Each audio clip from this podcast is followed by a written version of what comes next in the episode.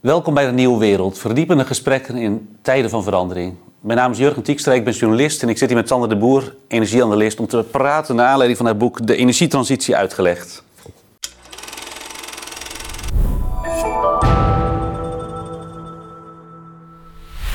Sander, fijn dat je er bent. Dankjewel. Je bent energieanalist in dienst van Rabo Research. En dit boek heb je jaren geleden al geschreven. Uh, nu de derde editie is uitgekomen. Een boek dat ook uh, in, in, in, het onderwijs gebruikt wordt voor hogescholen. En het is een heel nuchter opgeschreven boek, vol feiten over waar we nu mee bezig zijn. Waar, en ja, om die uh, klimaatneutrale toekomst te bereiken. Um, eerst wil ik een hele basale vraag op tafel leggen van 2050, daar gaan we naartoe. Dan moeten we klimaatneutraal zijn. Dat betekent niet zozeer uh, helemaal geen koolstofdioxide meer uitstoten, maar in ieder geval, het moet, uh, dan moet er ook heel veel opgeslagen worden als er maar netto niks meer uh, naar ja. buiten gaat. Hoe belangrijk vind je nou dat Nederland dat doet in zo'n mondiaal probleem, terwijl wij maar zo'n piepklein landje zijn? Ja, nou ja, als we als wereld klimaatneutraal willen worden. En dat is toch wel wat we ongeveer met de wereld hebben afgesproken bij het Klimaatakkoord van Parijs. Dan moet Nederland dat dus ook. Um, dus dat is één. En daarnaast kun je natuurlijk zeggen, de, de emissies van Nederland ten opzichte van de hele wereld zijn maar een druppel op de gloeiende plaat. Dus wat maakt het nou eigenlijk uit dat wij doen? Maar ja, volgens die analogie maakt het ook niet uit als ik mijn belasting niet betaal. Um, want dat is ten opzichte van ja. de rest van Nederland ook een druppel op de gloeiende plaat. Maar ja. als we zo gaan beginnen, dan komen we natuurlijk nergens. Dus um, dat is belangrijk. Plus dat Nederland en eigenlijk de westerse wereld in het algemeen een veel groter aandeel heeft in de emissies die we historisch gezien bij elkaar tot nu toe hebben uitgestoten. Um, dus dat maakt het denk ik extra belangrijk dat wij nu ook onze beste beentje voorzetten om die doelen te halen. Ja, het is een soort ereschuld in die zin. Ja, dat woord is helemaal in uh, nu natuurlijk. Nou ja, ik kom uit Groningen. Ja, ja, maar zo zou je dat wel kunnen zien, ja. Ja, dus de, de industriële revolutie, 18e en 19e eeuw, die begon in, in Groot-Brittannië en in, in het Westen. Dat vind ik wel grappig. Nederland kwam wel 100 jaar later, dus wij hebben een iets minder ereschuld. Toch? Hè? 1918, Tata Steel pas opgericht, onder andere naam toen nog. Ja, maar ik denk wel dat zeg maar, het zwaartepunt van de, van de emissies een beetje na de Tweede Wereldoorlog ja. uh, liggen. En dat uh, als je ook kijkt naar de emissies per inwoner, dan uh, doet Nederland, ja, scoort Nederland gewoon hoog, wat in dit geval niet zo goed is. Dus um, ja, in die zin, we zijn inderdaad wat trager aan die industriële revolutie begonnen, maar dat wil niet zeggen dat onze uitstoot te verwaarlozen is. Nee, zeker. Maar wat ik wel interessant vind is dat uh, soms lijkt het, in, in, in, als het in het maatschappelijk debat gaat over, over de klimaatverandering en wat wij eraan moeten gaan doen, alsof de wereld hier in Nederland gered gaat worden. Dat is in ieder geval mijn perceptie. Wat, wat ik heel, heel treffend voorbeeld vond was vorig jaar Eind vorig jaar kwam er een brandbrief naar buiten bij de gemeente Amsterdam van ambtenaren, ondertekend door 800 ambtenaren. En die heb ik hier. En dan zeggen ze van uh, ja, het, het, klimaatbeleid van de gemeente Amsterdam is heel ambitieus, maar er komt niks van terecht. We maken ons er ernstig zorgen over. En er staat er. Uh, ook de gemeente Amsterdam neemt niet de maatregelen die noodzakelijk zijn om een leefbare toekomst in deze stad veilig te stellen. In het nieuwe coalitieakkoord staat een doel van 60% reductie van de CO2-uitstoot in 2030 ten opzichte van 1990. Die 60% lijkt veel, maar is onvoldoende om onder de kritische grens van anderhalve graad opwarming te blijven. Dus zij suggereren, als je het heel letterlijk en flauw leest, wat Amsterdam gaat doen, dat gaat de wereld redden, al of niet. Wat is Nou, dat weet ik niet of dat je dat zo moet interpreteren. Um, de Europese Unie en Nederland hebben natuurlijk het doel om 55% broeikasgasreductie te bewerkstelligen in 2030 ten opzichte van 1990. Er zijn mensen die inderdaad aangeven dat dat niet voldoende is om op die anderhalve graad temperatuurstijging uit te komen. En dat is een beetje hoe ik dit ook lees. Um, dus maar goed, dat is dan misschien voor interpretatie vatbaar. Ik krijg niet het gevoel dat zij hiermee zeggen dat Amsterdam de wereld moet redden. Maar dat ze eerder zeggen dat het doel niet in lijn is met wat we uiteindelijk willen behalen.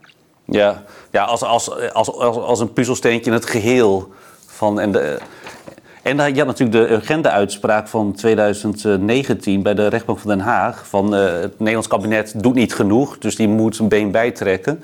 En dan, dat is iets, iets minder expliciet gezegd, maar dan staat hier ook uh, in, de in de persbericht van de rechtbank destijds... de staat moet meer doen om het dreigende gevaar veroorzaakt door de klimaatverandering te keren... gegeven ook zijn zorgplicht voor de bescherming en verbetering van het leefmilieu. En dat vind ik grappig. Dus ze zeggen van...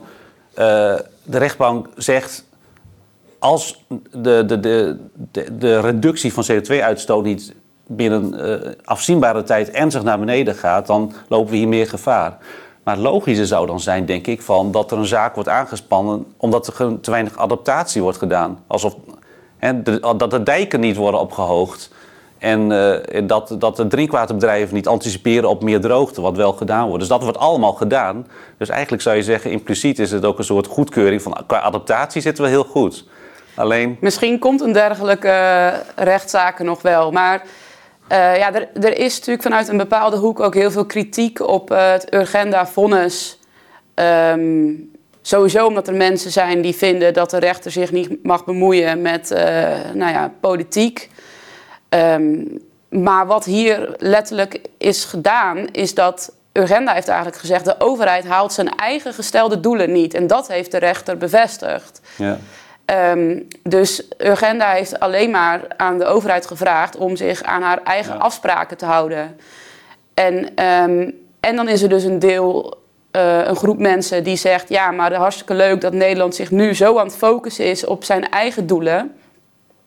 Maar als dat betekent dat we een deel van de uitstoot daarmee verplaatsen naar het buitenland, dan heeft dat dus voor de wereld in zich heel alsnog niet zoveel zin. Ja, dat, dat zou kunnen gebeuren. Nou, dat, dat zie je af en toe wel met bepaalde. Uh, nou, bijvoorbeeld een heel goed voorbeeld. Um, er is twee dagen geleden een heel groot pakket aan uh, nieuwe maatregelen aangekondigd door uh, minister Jette. Ja. En een van de regels die in ieder geval ook in de pers werd, naar buiten werd gebracht, is dat er werd gezegd dat er nu subsidie komt op tweedehands elektrische auto's. Ook om te voorkomen dat die auto's naar het buitenland gaan, wat op dit moment blijkbaar vaak gebeurt. Hmm. En dat is dan vervelend voor Nederland, want we willen die auto's in Nederland houden om onze eigen doelen te behalen. Maar voor de wereld is het natuurlijk helemaal niet erg dat dan jouw oude elektrische auto naar Frankrijk zou gaan of naar Afrika of waar dan ook. Ja, precies, precies. Als het daar ook een benzineauto vervangt, dan maakt dat in principe niet uit. Het zijn nationale doelen die gehaald moeten worden binnen onze grensjes, uh, ja. ook Inderdaad. Dus dat is. Um, het is ook zo met die, dat schrijf je in je boek, geloof ik, dat uh, met, naar aanleiding van die urgente uitspraak zijn die kolencentrales die pas net overeind stonden, een paar nieuwe tenminste, zijn ook oudere, die zijn deels afgeschaald qua productie, maar die zijn deels ook opgevangen met Duitse centrales. Die, die, om genoeg energie weer in te voeren. Is, ja. is, er ook, is daar ook sprake geweest van een soort verschuiving over de grens heen van onze CO2-uitstoot? Nou, dat is nog ingewikkelder verhaal. Um, de kolencentrales in Nederland hebben inderdaad tijdelijk te maken gehad met productiebeperkingen. Maar die beperkingen zijn weer opgeheven naar aanleiding van de oorlog in Oekraïne en de hele energiecrisis die we hebben gehad, zou ik bijna willen zeggen. Ja. Uh, dus op dit moment zijn die beperkingen er niet meer. Nee, precies. Zelfs als die er wel zouden zijn, dan doet dat op Europees niveau helemaal niets. Omdat kolencentrales hebben ook emissierechten nodig om uit te mogen stoten. En het sluiten van kolencentrales in Nederland uh, verandert niets aan de hoeveelheid emissierechten die er in Europa zijn. Dus het betekent alleen maar dat dan die rechten ja, beschikbaar komen voor de industrie of voor andere landen om die te kopen en er gebruik van te maken. Ja. Uh, maar het betekende inderdaad ook dat op het moment dat die beperking er nog wel was, dat we dan op bepaalde momenten meer elektriciteit importeerden, bijvoorbeeld vanuit Duitsland, waar ze dan met oudere en nog vervuilendere centrales op dat moment die elektriciteit aan het opwekken waren. Ja, dus dan zie je eigenlijk je kunt wel heel nationaal kijken, maar het gaat natuurlijk om het hele grote plaatje. Ja. En, een ander punt is nog, uh, want wij, hebben, wij mikken voor onszelf op 2050. En dan kijken we naar onze eigen nationale CO2-uitstoot. Maar Nederland zit in die wereldhandelsketens en voert heel veel in. Dus heel veel wordt elders geproduceerd voor ons, in China natuurlijk vooral. En dan komt daar heel veel CO2-uitstoot bij kijken. En ik, ik, las in de column van Louise Fresco, ik weet niet of het zo is. Ik sprak ook net met Louise Fresco voor een ander gesprek over... Uh, over klimaat en natuur. Uh, dat, dat wij meer uh, indirecte CO2-uitstoot hebben dan eigen CO2-uitstoot. Ja, ik wil nog even een paar dingen verduidelijken. Hè? Want je hebt het nu over CO2-uitstoot, maar in principe gaat het natuurlijk over de uitstoot van alle broeikasgassen. Ja. CO2 is wel de belangrijkste, maar waar je in de Engelstalige media, literatuur eigenlijk altijd greenhouse gases ziet staan, ehm, hebben we het op de een of andere manier in Nederland altijd over CO2. En ook in de persberichten de afgelopen dagen rondom de nieuwe klimaatpakketten staat het consequent fout. Gaat het steeds over 55% minder CO2, wat dus niet juist is. We willen 55% minder broeikasgassen in 2030. Ik wil, die, ik wil dat toch nog even één keer Ja, benoemen, ook in dit gesprek. Ehm, dus dat ten eerste. Ten tweede, eh, het feit dat je dat bepaalde nationale maatregelen een waterbedeffect kunnen veroorzaken, of dat dus eh, uitstoot kan gaan verschuiven eh, tussen landen, wil nog niet zeggen, vind ik, dat je dan dus ook maar geen nationale maatregelen moet nemen. Want dat, dat wordt soms ook aangehaald als argument om dan maar niets te doen. Omdat het dan maar deels werkt en deels ook niet. Dat vind ik ook wel heel erg makkelijk om dan maar te zeggen, ja, maar dan doen we dus maar helemaal niets. Uiteraard zou het veel effectiever zijn als we als Europa, of nog beter, gewoon als wereld zouden gaan kijken. Waar willen we in 2050 uitkomen en hoe gaan we daar op de goedkoopste en meest efficiënte manier komen? Maar ja, dat is helaas niet hoe de wereld werkt en ook niet hoe Europa werkt, want uiteindelijk is klimaatbeleid toch nationaal beleid. Ja, maar ik kan me nog wel voorstellen dat je denkt van... eh, we, hebben, we, we hebben ook heel veel indirecte uitstoot... om industriële, eh, de industrie vaak nu tegen, in andere landen zit... die voor ons produceert. Laten we daar dan ook naar gaan kijken. Want dat is ook onze verantwoordelijkheid. Bijvoorbeeld, hè? Of, eh, dus dat je gewoon wat realistischer kijkt, om het even zo te zeggen. Ja. Van wat is je echte impact als bevolking van 17 miljoen mensen in dit probleem? Ja, ja, dat is inderdaad belangrijk, want het klopt wat er gezegd is. Hè. Dus het grootste deel van de uitstoot waar wij als Nederlanders voor verantwoordelijk zijn, ehm, komt niet op het konto terecht van Nederland, maar dat die uitstoot ligt dus bij andere landen. En dat komt door onze consumptie. Ja. Dus op het moment dat ik een, eh, een elektrische auto uit China bestel, en die auto is daar geproduceerd, dan is de uitstoot die tijdens dat productieproces eh, plaats heeft gevonden, eh, komt op het boekje van China. En met het vervoer van die auto met, eh, scheep, met een schip naar Nederland, die uitstoot telt eigenlijk nergens mee. Want er zijn geen afspraken gemaakt hoe, hoe we dat moeten toekennen aan een specifiek land. En pas zodra die auto hier rijdt, ehm, gaat de elektriciteit die erin gaat, dat, die wordt meege- meegeteld voor Nederland. Ja. Maar dat geldt natuurlijk ook voor elke wasmachine, elk t-shirt, voor, voor alles wat je koopt uit China of elk ander land los van Nederland. Dus ik denk dat we twee, twee dingen kunnen doen. Ehm, mensen ervan bewust maken wat hun impact is. Ehm, daar is trouwens ook een heel mooi, mooi boek over. Ehm, dat boek dat, eh, haal ik ook aan in mijn, eh, in mijn boek. Want ik heb daar ook een heel mooi plaatje over. Over de, de uitstoot die wij als Nederlanders veroorzaken. En zal ik gelijk even goed lezen erbij pakken. Als het me lukt om het te vinden.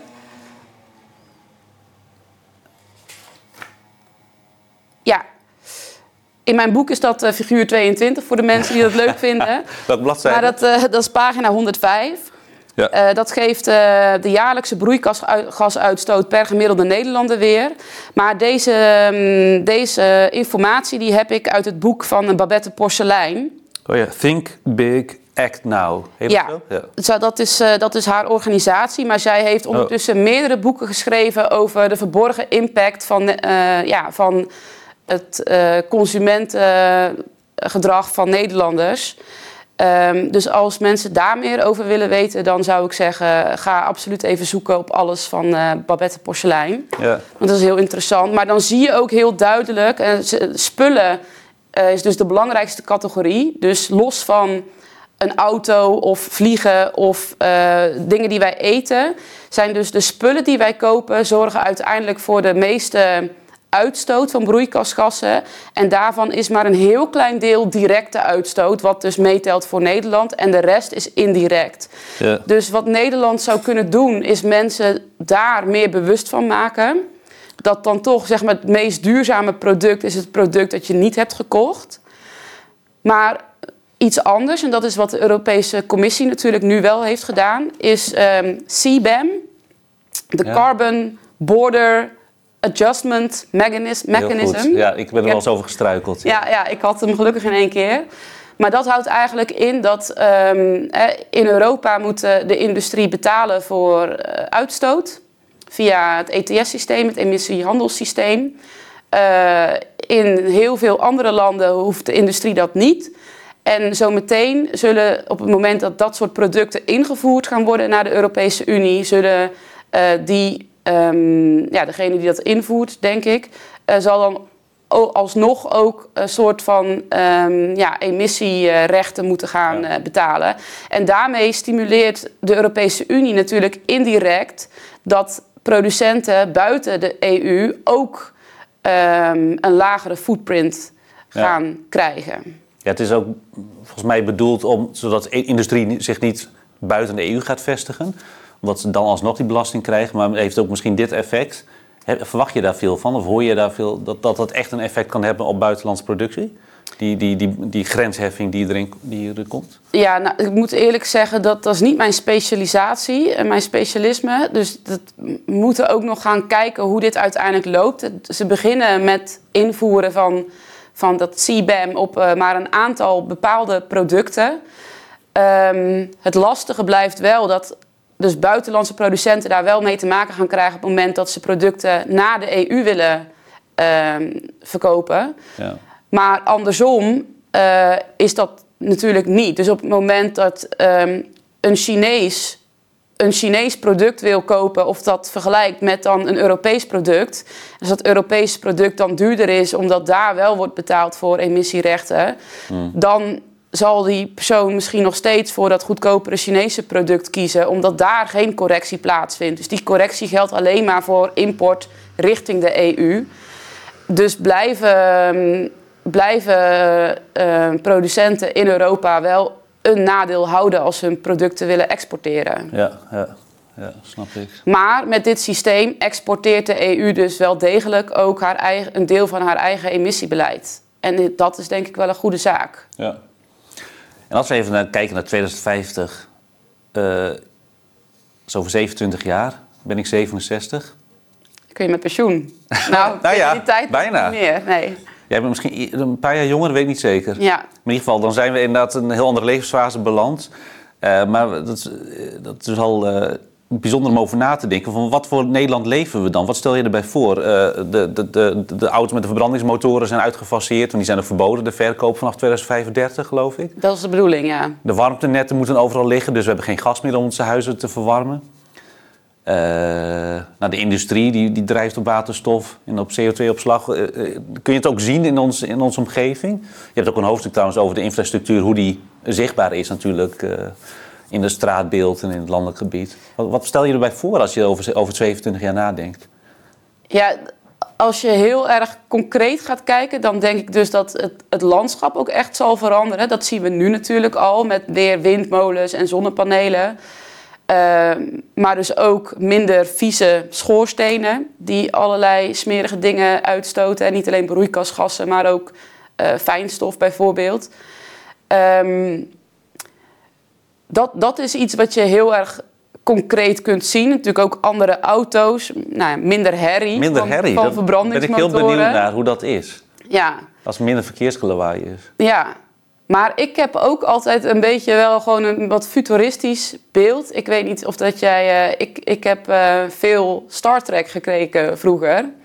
En ik kan me nog heel goed een aflevering herinneren. Ik weet niet, ben je bekend met Star Trek? Nou, dat heb ik heel vroeger wel eens gezien, ja, die serie. Nou, er is ja. uh, in de, de, de Star Trek Voyager-serie... wordt de, de kapitein van het ruimteschip komt in een situatie terecht dat hij teruggestuurd wordt naar Nederland van ongeveer deze tijd. Ook Nederland? Of? De, de wereld, ja. naar, naar de planeet Aarde. Ja, sorry. Ik dacht misschien toevallig ook echt naar Nederland. Maar nee, okay, nee, nee, naar planeet Aarde. En um, daar rijden dan dus allemaal auto's met verbrandingsmotoren. En die kapitein van dat ruimteschip is toevallig... Um, is dat een hobby van hem. Dus uh, de aarde een paar eeuwen geleden en de, de ouderwetse technologie die we toen nog hadden. Ja. En um, in die aflevering is er dan dus ook een beeld dat dat helemaal niet meer bestaat. Dat overigens ook geld niet meer bestaat. Hmm. Maar dat, dat is een beetje wat ik me er dan bij voorstel in 2050. Dat we in een ja, bijna ehm, Star Trek-achtige omgeving terechtkomen. Waarin dus heel veel dingen er zijn die er nu nog niet zijn. En waar we ons misschien op dit moment ook helemaal nog geen voorstelling bij kunnen maken. Ja. Maar ja, in, in potentie eh, zou je zeggen van uh, als het ons lukt, uh, kun je een mooie toekomst maken met heel veel pijn en moeite en heel veel kosten die rechtvaardig verdeeld moeten worden. Maar gewoon inderdaad een schonere omgeving. Misschien wat minder lawaai. Daar verzinnen we waarschijnlijk alweer ander lawaai voor. Vast wel. Maar op een, op een hele positieve manier misschien energie opwekken die we nodig hebben voor een, een gezonde moderne maatschappij. Um, Laten we even wat, nog wat concreet inzoomen op, op dingen die gaan veranderen. Nou, ten eerste wil ik ook hebben over kernenergie. Uh, nou, te lange les gaat het daar wel over. Er zijn twee uh, kerncentrales die zijn min of meer gepland met focuslocatie Borselen, eh, waar ook al één staat. En in, in Limburg gaan ze dit jaar echt kijken en besluiten of ze daar kleine kerncentrales gaan neerzetten, die small modular reactors voor, uh, bij Chemelot, het chemische industriegebied. Maar misschien ook wel voor de verwarming van Maastricht. Want er kan ook uh, warmte mee geproduceerd worden. Uh, en wat ik dan interessant vind aan je, aan je boek... is dat je dan beschrijft... En je hebt zo net nog even die bladzijde aangewezen. Bladzijde 63. Als naast de directe emissies van de productie van elektriciteit... door kerncentrales, windmolens en zonnepanelen... ook de indirecte emissies worden meegenomen... Dat is een hele ingewikkelde zin, maar ik bedoel, kernenergie komt hier heel positief dus uit. Dus als je het allemaal, de indirecte emissies ook meeneemt van die duurzame energieopwekking, dan blijkt dat bij elektriciteitsproductie uit kernenergie ruim twee keer minder CO2-equivalenten vrijkomen, dus alle broeikasgassen, dan bij windenergie en acht keer minder dan bij zonne-energie. Dus als je het goed volgt, als je het geheel meeneemt, dan is kernenergie qua emissies ook in de productie en het installeren ervan positiever dan zon en wind. Ja, dus misschien even voor mensen die voor het eerst in dit onderwerp zitten. Um, zonnepanelen stoten natuurlijk rechtstreeks helemaal geen CO2 uit. Ook geen andere broeikasgassen, windmolens ook niet. Kerncentrales in principe ook niet. Maar een kerncentrale moet wel gebouwd worden. Hè. Daar heb je heel veel staal en beton voor nodig. Windmolen moet wel gebouwd worden. Daar heb je ook heel veel staal voor nodig. Betonnen constructies denk ik ook. In ieder geval, je moet het bouwen. Um, en zonnepanelen heb je nog, je hebt nog veel meer zonnepanelen nodig dan windmolens om dezelfde hoeveelheid elektriciteit op te kunnen wekken. En je hebt nog veel meer zonnepanelen en windmolens nodig dan kerncentrale om dezelfde hoeveelheid elektriciteit op te wekken. En daarom zijn die indirecte emissies van wind en zon hoger dan bij kernenergie. Dus uh, kijk, kernenergie is niet duurzaam, het is niet hernieuwbaar, want het is je hebt er grondstoffen voor nodig die uiteindelijk eindig zijn. Maar omdat de uitstoot van broeikasgassen zo laag is en, en directe uitstoot zelfs vrijwel nul, zou je kunnen zeggen dat het wel heel goed past in een, in een ja, energiesysteem dat uiteindelijk ook netto nul uitstoot moet hebben. Ja. En de Nederlandse overheid is nu inderdaad aan het onderzoeken of het uh, interessant is en haalbaar is om twee nieuwe kerncentrales uh, te gaan bouwen. Maar dat, zijn nog geen, uh, dat zijn nog geen hele concrete plannen. Ja.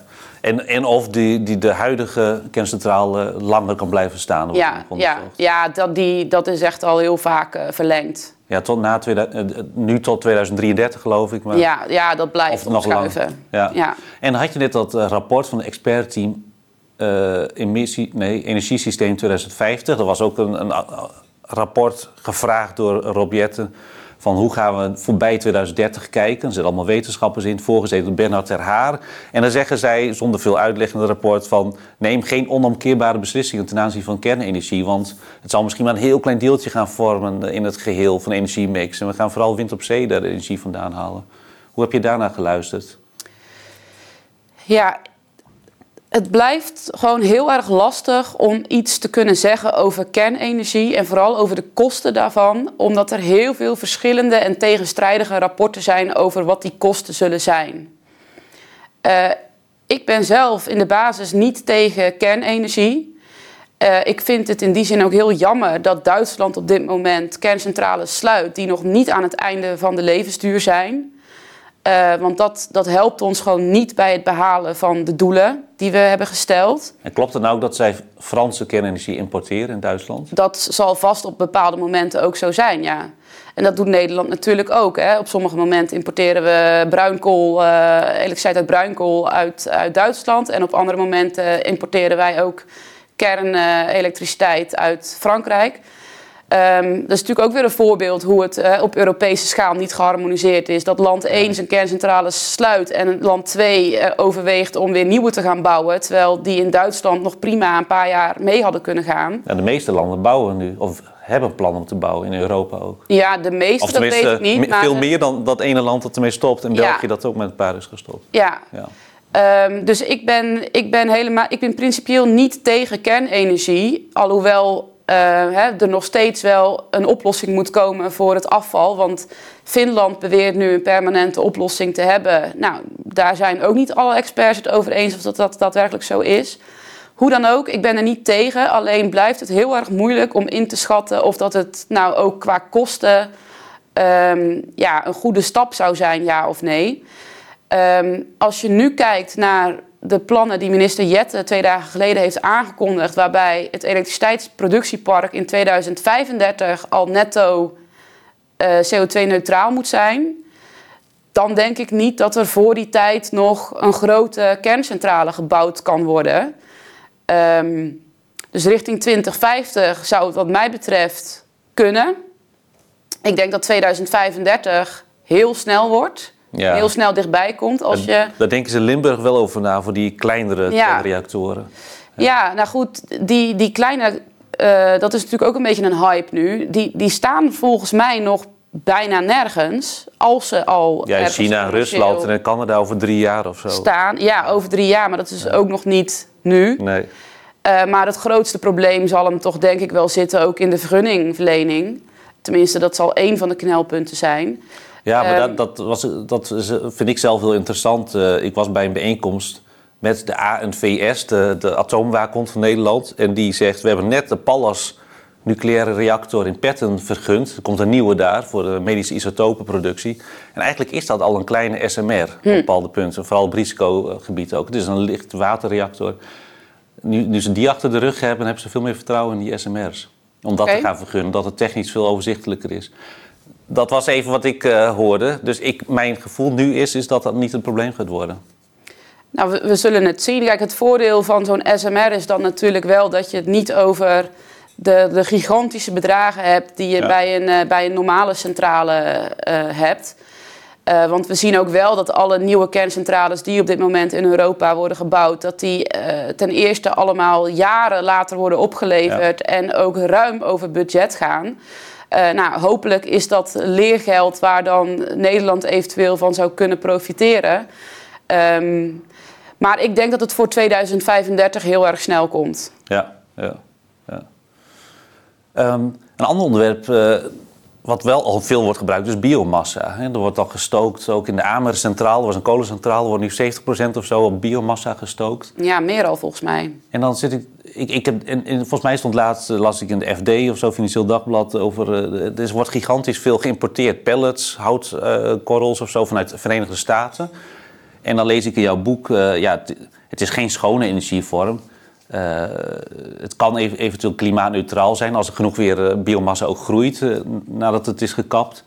Maar het verstoot wel fijnstof uit, het verstoort de waterhuishouding en zorgt voor bodemerosie. Ik weet allemaal niet hoe ernstig dat is. Hoe dat kan, hè? Dat kan. Niet per definitie, maar dat kan. Het fijnstof, dat is per definitie wel ja, zo. Zwavelhoudende ja. stoffen. Dus hoe is dat nou ooit zo populair geworden of belangrijk geworden voor de huidige, voor de Nederlandse energieopwekking? Oeh. Ik ben geen uh, historicus op het gebied van uh, biomassa. Um, maar wat natuurlijk het fijne is aan biomassa, is dat het uh, in principe ook gewoon een fossiele energiebron is. Alleen dan met een veel kortere doorlooptijd. Hè, want fossiele energiebronnen zijn over miljoenen jaren gevormd. Ja. En biomassa is een korte cyclus, zoals we dat dan noemen dus uh, er groeit nu een boom en als je die dan over tien jaar kapt en die boom verbrandt, komt die CO2 weer vrij. Maar die is dus de afgelopen tien jaar opgenomen en zo zou je dat cirkeltje rond kunnen laten gaan. Ja. Ehm, maar dat betekent dat je biomassa dus heel makkelijk kunt toepassen op de manier zoals we ook nu fossiele energie toepassen. je bent ook niet weersafhankelijk. Dus dat is ook heel prettig. Als het niet waait, als er geen zon is, kun je gewoon nog lekker die houtpellets uh, in die, in die Amercentrale gooien. Ehm, dus dat zijn wel voordelen van biomassa die eh, bepaalde hernieuwbare technieken niet hebben. Um, maar er, wordt, uh, steeds meer, er is steeds meer aandacht ook voor de, de negatieve aspecten van biomassa. En het is heel belangrijk om onderscheid te maken dus tussen verschillende vormen van hmm. biomassa. Want um, ik denk dat heel veel mensen het idee hebben dat er gewoon ergens bossen worden gekapt en dat hele boomstammen in een, in een elektriciteitscentrale worden gestopt. Uh, dat is niet zo. Al is het, het is alleen maar alle, dat de prijs van hout om daar een mooie tafel van te kunnen maken is hoger dan om die te verbranden. Dus wat er vaak in die houtpellet zit, is toch wel resthout, wat dan samengeperst mm. wordt om weer te verbranden. Maar je hebt natuurlijk veel meer vormen van biomassa. Uh, bijvoorbeeld biogas, die je bij waterzuiveringsinstallaties kunt opwekken of uit mest. Uh, groente, fruit en tuinafval, dat is ook allemaal biomassa. En bermgras, bermgras. door wordt gemaaid. Ja, ja, dus dat zijn ook allemaal vormen van biomassa. En het is denk ik heel erg belangrijk dat we alleen maar die vormen van biomassa gebruiken die niet een nuttigere toepassing kennen. dus hele boomstammen verbranden voor warmte en elektriciteit, dat is gewoon geen goed idee. Gebeurt dat wel? Uh, naar mijn weten gebeurt dat niet. Um, ook omdat de Europese Unie daar richtlijnen voor heeft. Uh, maar het is wel zo, wat je net ook aangaf, dat die houtpellets wel degelijk ook van buiten Europa worden geïmporteerd. Waar natuurlijk ook weer uitstoot mee gemoeid gaat. Ja. Um, en dat uh, ondanks allerlei certificaten, uh, systemen, natuurlijk toch altijd een beetje lastig blijft om te controleren waar alles dan precies vandaan komt en of dat soort gebieden dan wel goed gemanaged worden, et cetera. Dus ja, hoe, van hoe verder weg iets komt, hoe lastiger het is om daar ook goed zicht op te houden. Ja, ja. Dus, ja, dus wat, wat, wat vind je van de huidige situatie? Dat er wel heel veel wordt bijgestookt in zo'n Amercentrale. Uh, heb je daar een inschatting van hoe efficiënt dat nou is? Want je hebt over alle die substromen, die, die zijn, dat zijn restpartijen, die kun je goed gebruiken, zoals mest en bermgras. Maar eh, in zo'n geval wordt er heel veel verstookt. Is, dat wordt allemaal aangevoerd, neem ik aan. Ja, nou, dus mest en bermgras gaat niet in een amercentrale. Nee, dus dat is even. Dus uh, als je het hebt over biomassa bijstook in kolencentrales, dan gaat het altijd over houtige biomassa. Precies. En zolang dat echt resthout betreft, denk mhm. ik dat we daar gebruik van kunnen maken. Maar wel als soort van laatste redmiddel. Ook als we zo meteen naar nog meer zonnepanelen en windmolens gaan, zullen we altijd een manier moeten hebben om voldoende elektriciteit op te kunnen wekken op het moment dat het niet waait en er geen zon is. En dan heb je zo meteen nog maar een paar opties. En minister Jette wil dus al dat dat in 2035 het geval is. Dan kun je dus of met biomassa aan de slag, omdat dat gezien wordt als CO2-neutraal. Of je gaat waterstof verstoken in een, in een gascentrale. Uh, en dat moet dan groene waterstof zijn, dus die uit, uh, elektrisch, uit, uh, uit, met, groen, met behulp van groene elektriciteit is geproduceerd. Nou, daar zitten ook veel nadelen aan, want dan ga je dus um, elektriciteit eerst omzetten in waterstof. Daarmee verlies je een behoorlijk aandeel van je, van je energie. En dan ga je het daarna weer, weer omzetten in elektriciteit. Dan verlies je weer uh, ruim 40 procent. Ja. Dus dat is een heel inefficiënt proces om van elektriciteit waterstof te maken en er daarna weer elektriciteit van te maken. Ja. En de derde optie die je dan nog hebt, is gewoon aardgas verstoken en de CO2 opvangen en opslaan. Dus uh, eh, CCS wordt dat genoemd, hè, Carbon Capture and Storage. Uh, daar heeft Nederland al ook heel lang plannen voor, maar dat wordt tot op heden niet toegepast.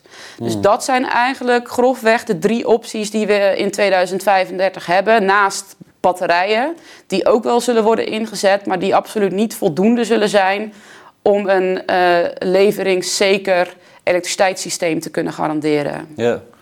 Maar hoe zit het dan als we het over de industrie hebben? De grootste broeikasgasuitstoter, om niet CO2 te zeggen. Uh, dus je hebt vrij, vijf grote industrieclusters in Nederland. En er komt een waterstof-backbone, die wordt gepland. Een grote ja, leidingnetwerk. Aanleggen, ja. Tussen de industrieclusters. En zo'n bedrijf als Tata Steel, die gaat op waterstof over. Dat is een... Uh, is voor, bedoeling. Voor 2030 is dat hun plan. Ze wilden eerst uh, ook volgens mij CCS doen, hè, die Carbon Capture and Storage. Maar ze dachten van ja, die omwonenden hebben al zoveel last van uitstoot. Die blijft dan doorgaan, dus uh, van fijnstof en grofstof. Dus we gaan echt op waterstof over. En om klimaatneutraal te worden is CCS volgens mij wel heel... Dat wordt wel ingecalculeerd. Dat is noodzakelijk voor de industrie, geloof ik. Dus dan heb je twee, je noemt twee CCS, dan heb je alsnog... Dan moet je dat allemaal gaan opslaan. Ik weet niet hoe makkelijk dat is. En, uh, en je hebt die, de waterstof die heel belangrijk is. Ja. Zijn er twee niet echt ideale opties voor de industrie? Um, ja, wat is ideaal? Um, CCS, daar heeft Nederland dus veel plannen mee, maar wordt tot op heden niet toegepast. We hebben ooit, was er een plan om CO2 op te gaan slaan onder Barendrecht. Daar waren de bewoners niet heel blij mee. Ja. Dat is afgeschoten en daarna is eigenlijk ook gezegd dat we nooit meer iets gaan doen met opslag op land. Ja, op land, precies. Hm. Nu heeft Nederland wel best wel wat lege gasvelden op de Noordzee, die waarschijnlijk geschikt zijn voor de opslag van CO2. Ik weet dat Noorwegen dat al wel doet. Hè, dus die hmm. slaan al CO2 op in lege gasvelden op, uh, op zee. Uh, maar in Nederland is het nog geen bewezen technologie. En uiteindelijk zijn dat soort gasvelden natuurlijk ook eindig. Je kunt niet oneindig CO2 onder de grond gaan opslaan in dat soort velden. Um, maar voorlopig zou dat wel uh, iets kunnen zijn wat we gaan toepassen. En inderdaad, eigenlijk elk rapport dat iets zegt over hoe we uiteindelijk klimaatneutraal gaan worden, geeft aan dat we CCS daarvoor nodig hebben. Um, maar dat moeten we dus nog wel gaan doen. Dus dat is een route die nog veel onzekerheden kent. En dan de waterstofroute kent gewoon ook nog heel veel onzekerheden. Want op dit moment is er gewoon nog nauwelijks productie van groene waterstof. Hmm. Uh, dus de, de, productie is er niet, de infrastructuur is er niet, de kosten zijn ook nog heel erg onduidelijk. En dat maakt het voor de industrie natuurlijk wel erg lastig om dan hele concrete plannen te maken. Maar voor waterstof wordt gewacht op tot die tot misschien op wind op zee nog op een veel grotere schaal uh, geïnstalleerd is. Want dat, dat, moeten we nog een paar tientallen jaar op wachten, maar er staan gigantisch veel grote velden. Ja, windmolens. Ja, dus, uh, die, lever, die leveren dan de energie op, de groene energie voor de waterstofproductie. Toch? Dat zal voor een deel dan inderdaad naar waterstof gaan. Dus het idee is dat tussen nu en 2031 uh, windmolenpark op de Noordzee ongeveer vertienvoudigd gaat worden. Dus dat is echt enorm de komende, hoeveel is het nog, 7, 8 jaar.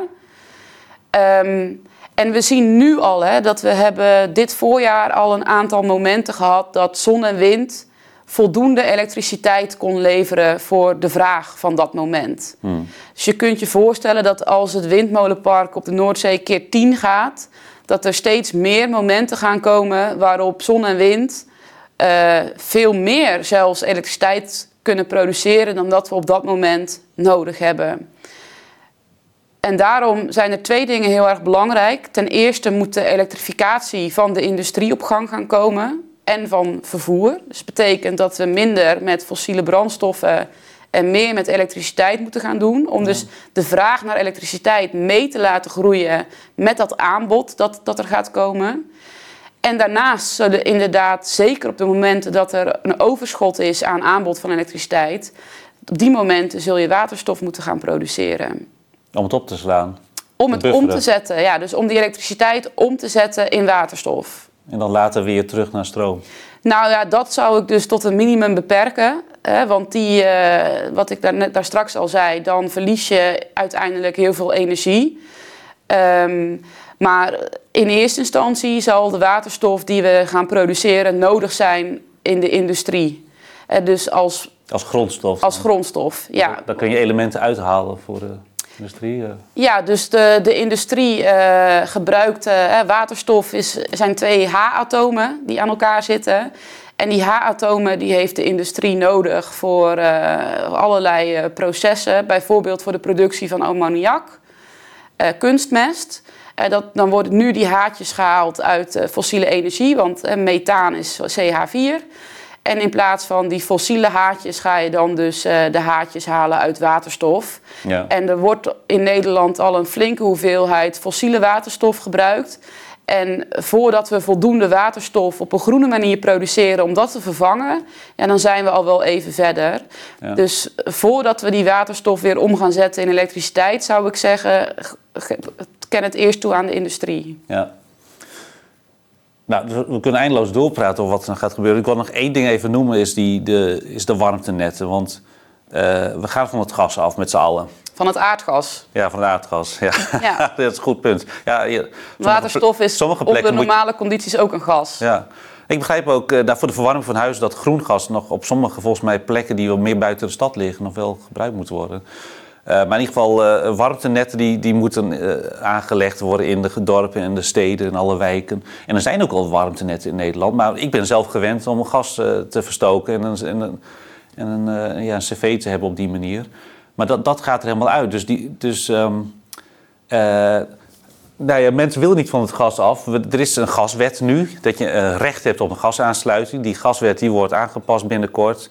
Dat, en dan eh, komt het zover dat uh, gemeenten, die gaan de regiefunctie hebben, dat ze mogen aanwijzen welke wijk verplicht van het, wijk, van het gas afgaat. En dan moet de toevoeging gaan stoppen en dan zit je ermee dat, dat wordt nog best een grote verbouwing voor Nederland, denk ik. Want er zijn maar een paar van dat soort warmtenetten die dat gaan vervangen. Die, die, zijn er nog maar. Van, die, en, die worden van warmte voorzien door afvalverbrandingsinstallaties en door misschien ken, of nee, niet energiecentrales. Wat denk je ervan? Wordt een grote operatie? Ja, dat wordt zeker een grote operatie.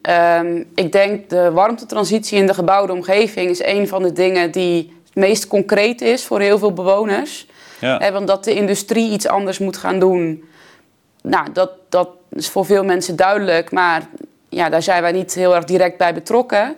Maar op het moment dat, uh, dat je een brief van de gemeente je deurmat, uh, op je deurmat valt, dat, uh, dat het aardgas uit je wijk gaat, dan komt het natuurlijk heel erg dichtbij.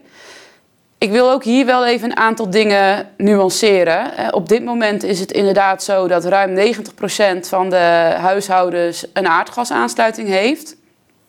Er zullen ook richting 2050 wijken blijven waar gas gebruikt gaat worden. En dat zal dan hoofdzakelijk groen gas zijn. Um, mogelijk een paar plekken waar ook waterstof gebruikt gaat worden in de gebouwde omgeving. Maar ik verwacht dat dat nou, echt de uitzonderingen zullen zijn. Omdat waterstof veel beter op andere plaatsen ja, ook omdat het, is. Omdat het toch een zeldzaam, of het is niet zo voorradig, zo breed voorradig dat je het... Nou, het is geen bron, het is een energiedrager. Dus je moet het halen uit iets anders. Ja. Dat is niet efficiënt. Nee, het is niet efficiënt om dat in de gebouwde omgeving toe te passen Behalve als er voor een bepaalde wijk echt geen betere oplossing is. Ehm, dus op sommige plekken zal er gas gebruikt blijven worden. Dan heb je inderdaad ook gebieden waar er een warmtenet zal komen. Eh, dat zullen voornamelijk stedelijke gebieden zijn. Want in een buitenwijk, in een klein dorp, ga je gewoon geen warmtenet aanleggen. Dat is totaal niet efficiënt. Warmteinfrastructuur is namelijk hele dure infrastructuur. En je hebt dus vrij eh, geconcentreerd gebied van mensen nodig om dat goed te kunnen laten werken. En bovendien heb je ook een duurzame warmtebron nodig in de buurt. Als die er niet is, kun je ook geen warmtenet aanleggen. Dus het grootste deel van de bewoners zal overstappen op uh, een elektrische manier van verwarmen. En waarschijnlijk dan met een warmtepomp. Ik denk dat dat het grootste deel gaat worden. Ja, dat is wel mijn verwachting. Ja. Ja, maar dan moet je kunnen betalen natuurlijk. En daar, dat is een probleem. Dus ik, ik dacht eerder van dat, dat het toch zoveel geld kost. Om een warmtepomp te installeren. Uh, vooral een, een, volledige warmtepomp in plaats van hybride. Dat, dat voor hele grote delen van Nederland het warmtenetwerk uh, de, de beste optie is, financieel gezien. Het hangt inderdaad erg af van, van de wijk en van het huis. Welke optie het beste is. Dus even heel erg platgeslagen kun je zeggen: woningen die redelijk nieuw zijn, laten we zeggen vanaf 1990 of, of van na 2000. Ja. Ehm, die woningen kunnen relatief makkelijk overstappen op misschien in eerste instantie een hybride warmtepomp en uiteindelijk een volledige warmtepomp, omdat die woningen ook al best wel goed geïsoleerd zijn. Want dat is wel een beetje de voorwaarde als je naar een volledige warmtepomp toe wilt, dat je huis gewoon goed geïsoleerd is. Nou kun je natuurlijk ook huizen die ouder zijn beter isoleren. Um, kan de ene keer makkelijker dan de andere keer. Hè. Hele oude woningen die geen spouwmuur hebben, moet je al veel trucjes gaan uithalen om het beter te isoleren. Maar dat is sowieso waar we uiteindelijk wel naartoe willen. Hè. Wat we natuurlijk ook de afgelopen twee jaar wel hebben gemerkt, dat hele tochtige woningen, dat die bewoners met hele hoge energierekeningen zitten. Um, en sowieso vanuit de Europese Unie en vanuit het Nederlandse klimaatbeleid willen we ook toe naar beter geïsoleerde woningen. Dus er zal sowieso beter geïsoleerd moeten worden. Maar dus nieuwere woningen zullen grotendeels all-electric worden. Nou, dan heb je buitengebieden. Uh, denk aan uh, dorpjes in, uh, in Friesland, in Drenthe, in Groningen, waar ook veel potentie is om groen gas te produceren dat zouden nou, hele logische gebieden zijn om dat groene gas ook in te zetten in de gebouwde omgeving. En waar komt die potentie vandaan? Onder andere vanuit uh, de agrarische sector, maar dus ook vanuit uh, waterzuiveringsinstallaties. Uh, die, met slip. Met slip. Hmm. Um, maar dus ook nou, koeien, kippen, varkensmest die vergist kan worden. daar kan dus groen gas van gemaakt worden. En dat werkt verder precies dezelfde manier als aardgas. Dus dan hoeft de bewoner ook niets te veranderen aan het huis. Hmm. Ehm, al zou ik alsnog wel adviseren om zoveel mogelijk te isoleren. Ja. En dan zul je vooral in stedelijke gebieden uh, nog wat warmtenetten krijgen. En ik denk ook voor nieuwbouwwijken dat daar uh, hele lage temperatuur warmtenetten die niet alleen kunnen verwarmen, maar ook kunnen koelen dat dat voor nieuwbouwwijken ook veel toegepast zal worden. Maar goed, nieuwbouw wordt sowieso al niet meer aangesloten op aardgas. Ja. En je zegt laag temperatuursysteem, want je hebt hoog, middel, laag. En uh, som, uh, ja, je, hebt geen, je moet een niet een te grote warmtebron nodig hebben om uh, zo'n huis te kunnen verwarmen. Dus hoe lager de temperatuur is waar je uit put, waarmee hoe je beter. woning kunt verwarmen, hoe beter. En dat ja. hebben we in de toekomst nodig, omdat die afvalverbrandingsinstallaties gaan ook weg. Dus dat er wordt niet meer als bron gebruikt en, en, dergelijke? Nou, we zullen altijd nog wel wat afval blijven verbranden. Maar uiteindelijk is het idee dat we in 2050 ook een circulaire economie hebben. En dat is een ander verhaal, ja. In theorie is circulair zonder afval. Um, dus, nou ja, dat, daar zit ik wat minder in. Maar de, de hoeveelheid afval moet als het goed is ook wel naar beneden gaan. Maar wat vooral ook belangrijk is, is dat de warmtevraag zal ook gewoon dalen doordat we beter gaan isoleren, maar ook doordat we gewoon steeds warmere winters krijgen, gemiddeld genomen. Ja. Terwijl de koude vraag zal steeds meer toenemen. Ja. Ik woon zelf in een appartement uit 2008. Dus ik heb buren boven, onder en naast me. Ik heb de hele winter mijn verwarming niet aangehad. Het is bij mij in huis niet kouder dan 17,5 graden geworden. Hmm. Uh, mede omdat mijn buren voor mij stoken en omdat het een relatief nieuw appartement is. En omdat ik dus helemaal ben ingebouwd. Maar in de zomer is het niet uit te houden bij mij in huis. En hmm. ik ben aangesloten op een hoogtemperatuur warmtenet. En ik heb die warmte helemaal niet nodig. Ik wil koude. Ik wil dat er in de zomer koud water door mijn vloer loopt. En dat is ook mogelijk met, met een bepaald soort warmtesysteem is dat mogelijk, begrijp ik. Met, ja, met grondgebonden warmtepompen kun je dat ook doen. Ja. Dat klonk wel ideaal, ja. Ja. En, en, nog een klein uh, voordeel bij nadeel dat ik, waar ik laatst van hoorde is dat in, uh, in Heerlen, uh, in, in, de oude mijnen op 800 meter diepte in Limburg, dat die zijn plaatselijk kennelijk volgelopen met grondwater op, op, met een temperatuur van 25 graden. En die willen ze nu als een laagtemperatuurbron gebruiken voor wijken van Heerlen. Ja. En, en dan hebben ze dat ook opgelost daar. Met die hele, vanuit de geschiedenis geput eigenlijk, hè? Ja, Ehm, nou, we moeten afronden. Uh, ik wil je nog even de gelegenheid geven, want je, je, je, er stond een citaat van jou in het Financieel Dagblad. Ja. En dat is een misverstand. Tenminste, je bent verkeerd geciteerd. Wil je nog even rechtzetten? ja, daar wil ik nog wel wat over zeggen. Dat uh, was een artikel dat ging over um, fossiele energie, de toekomst van fossiele energie. En het is voor iedereen natuurlijk duidelijk dat we zo snel mogelijk van fossiele energie eh, af moeten komen. Ik heb daar een paar weken geleden een column over geschreven, over uh, of dat we nu wel of niet van vandaag op morgen in één keer moeten stoppen met het gebruik van fossiele energie.